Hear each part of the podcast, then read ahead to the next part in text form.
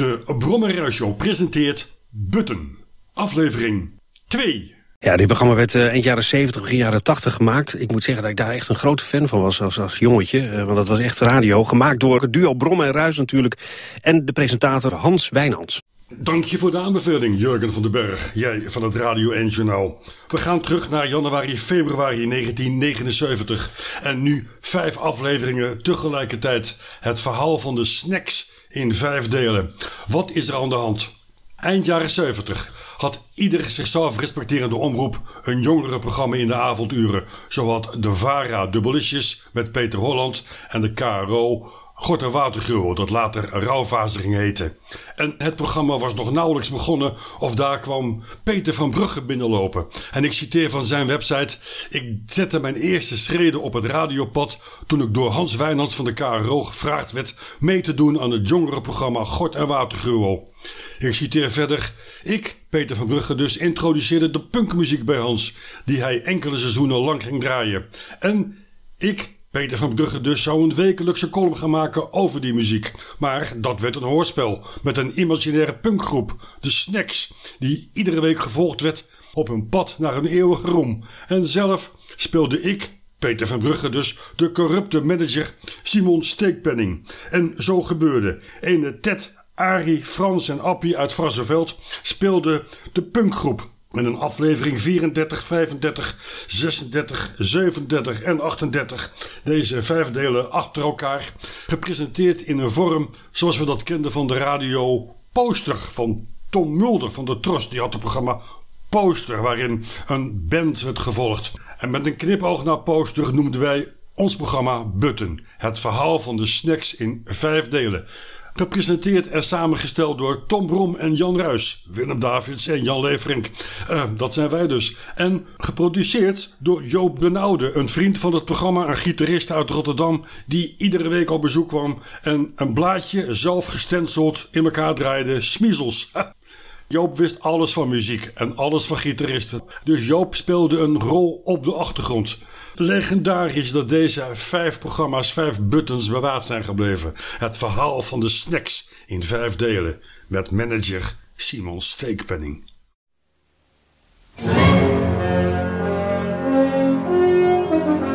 Dit is Button. Het verhaal van de snacks in vijf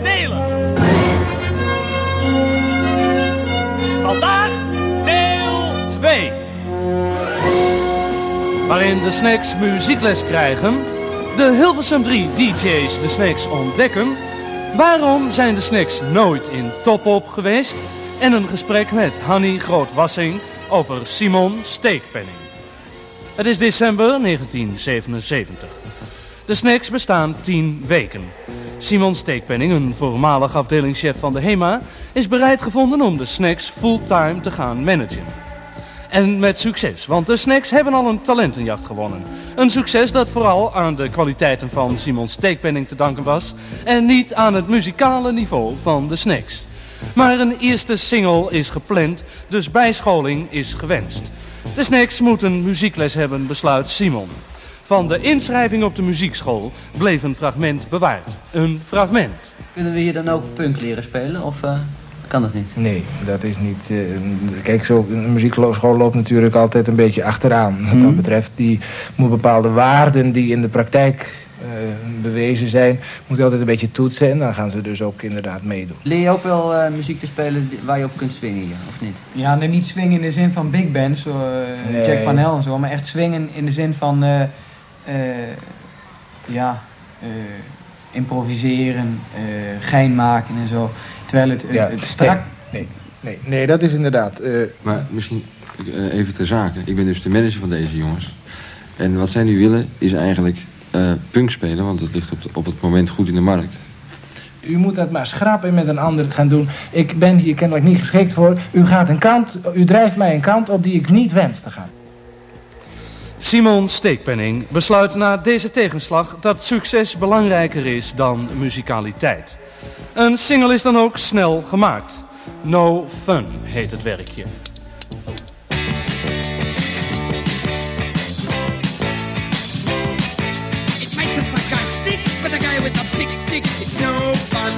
No fun. Especially with your chick, he's having a big. It's no fun,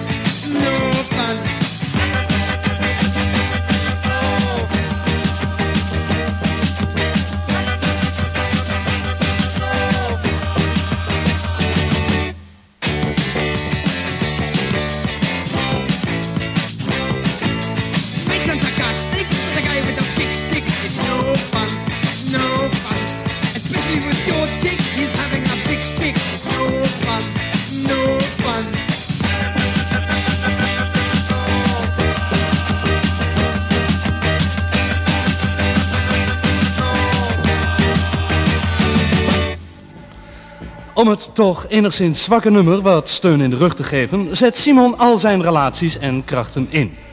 En jawel, in hun angst om maar vooral niet achter te lopen bij het internationale punkgebeuren, laten de diverse Hilversumse DJ's de snacks in hun programma opdraven. We laten wat fragmenten hiervan horen. Achtereenvolgens Edward Niesings bezoekerscorner, Theo Stockings Continuing Story en de hitmeester Vincent van Engelen.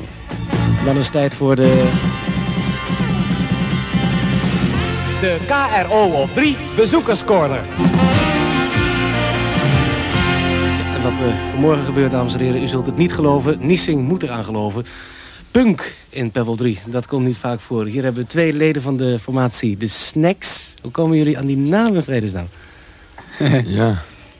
Nou, dat is een vrachtwagen geweest. Wat zijn de toekomstplannen? Jullie komen uit de Achterhoek, zijn daar zeer bekend. Een Ja. grote concurrent, denk ik dan, Ja. van Nou, er komt een eh, LP uit, hè? misschien mag ik dat zeggen. Ja, natuurlijk. Eh, hij heet namelijk Erotic Nightmares. en hij is in elke erkende plaathandel te krijgen. Oké, 1890. 18 gulden 90. Ook op muziekcassette? Ook op muziek. Ja? Nou, jij krijgt hem toegestuurd. Jij krijgt hem toegestuurd. Prima, hartstikke bedankt. We gaan er een nummer van draaien. Eh, Snacks, hartelijk bedankt en eh, veel succes in de Punks 4. Dankjewel. Bye. KRO Geo Stocking Productions presents the continuing story of The Snacks.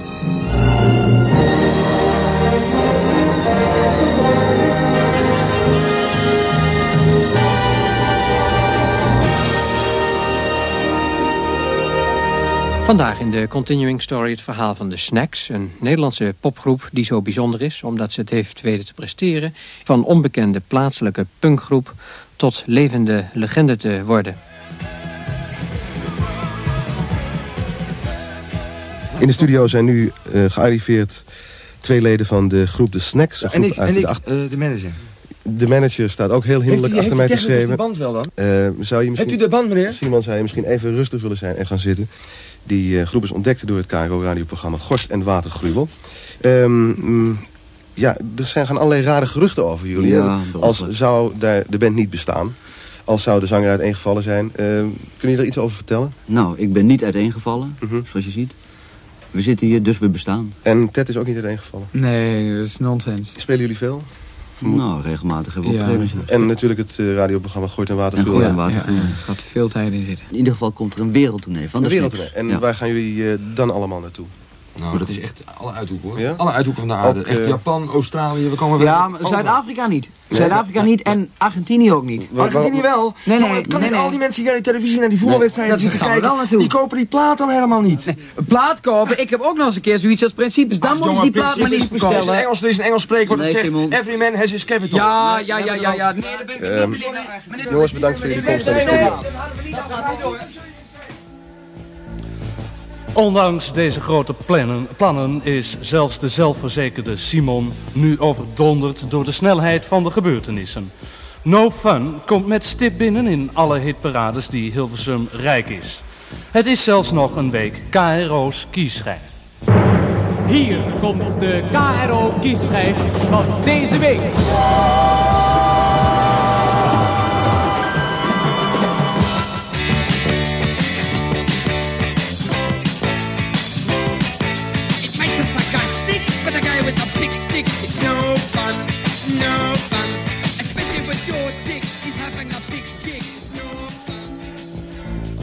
Maar intussen staat het privéleven van de snacks niet stil.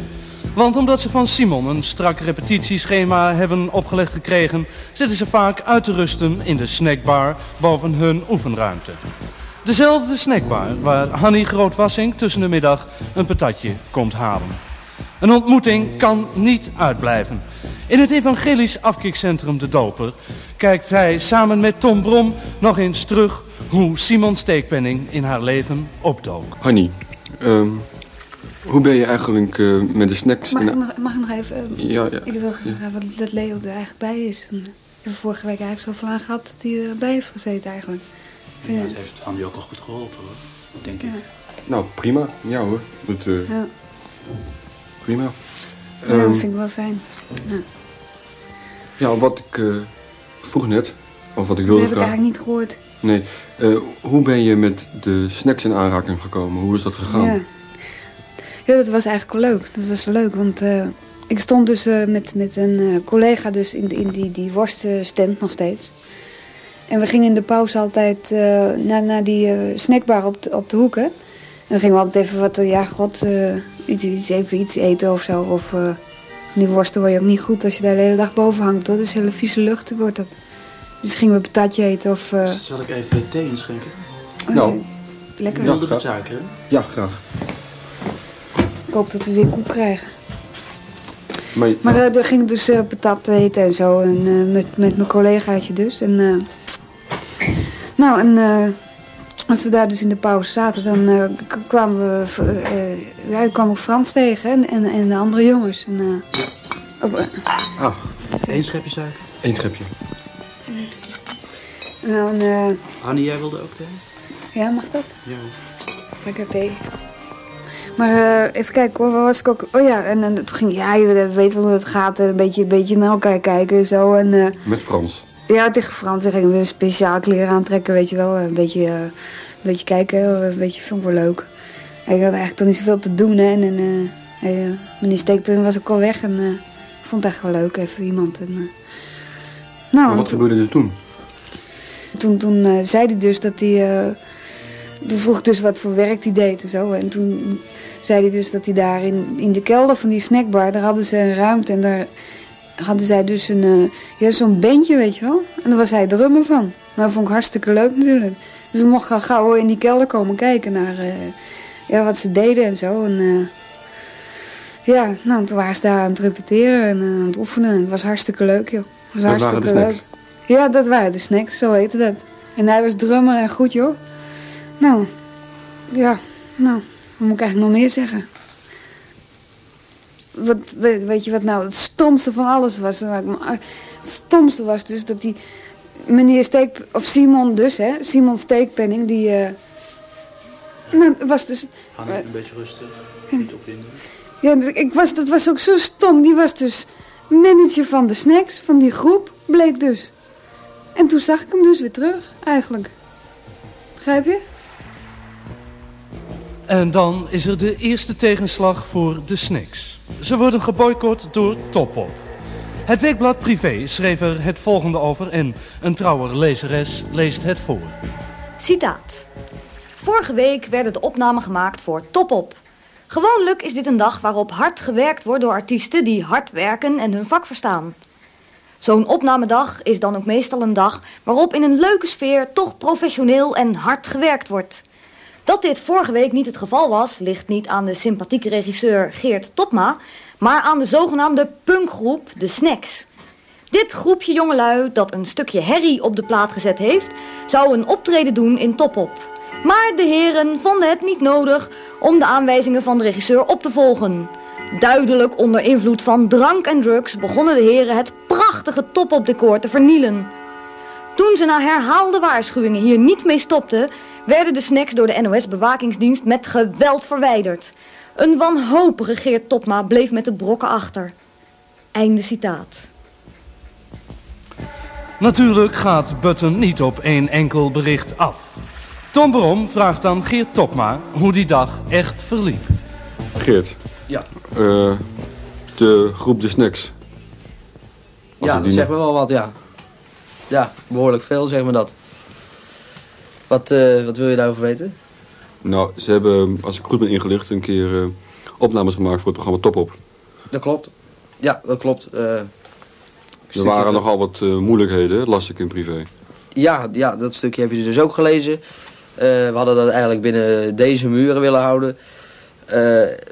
Die opnamedag van de snacks, van s morgens tot s avonds laat, is vergald. Is gewoonweg weggegooid. Het, het, het is verschrikkelijk. Ik kan het niet willen vertellen aan niemand niet. Wat is er dan allemaal gebeurd? Eh, van alles, van alles. U, u kan beter vragen wat is er niet gebeurd. Er is eh, te veel om opgenoemen eh, gebeurd. De ellende, eh, vernielzucht.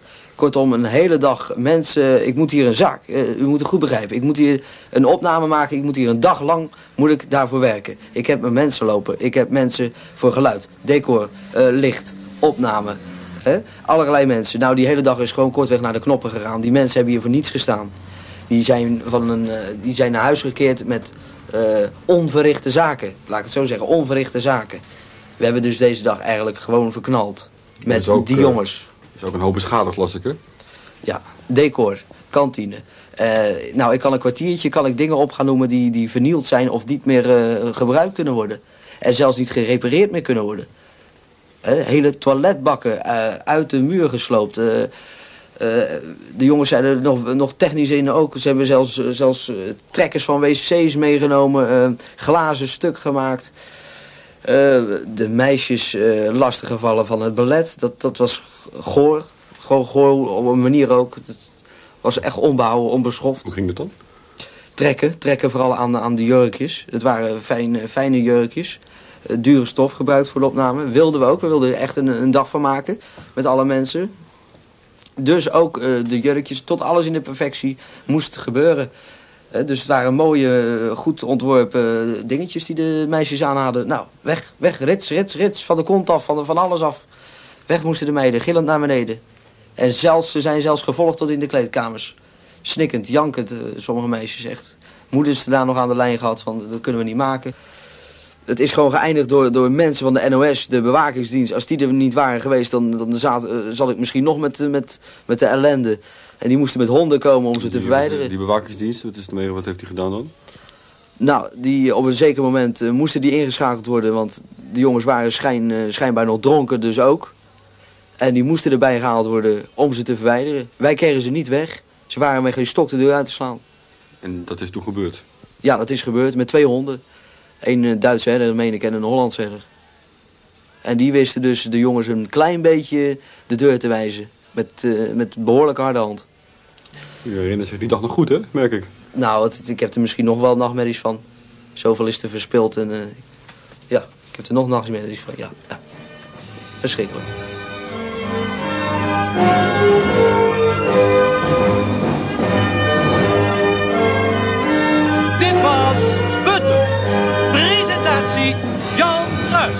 Bijdragen en interviews Tom Blom.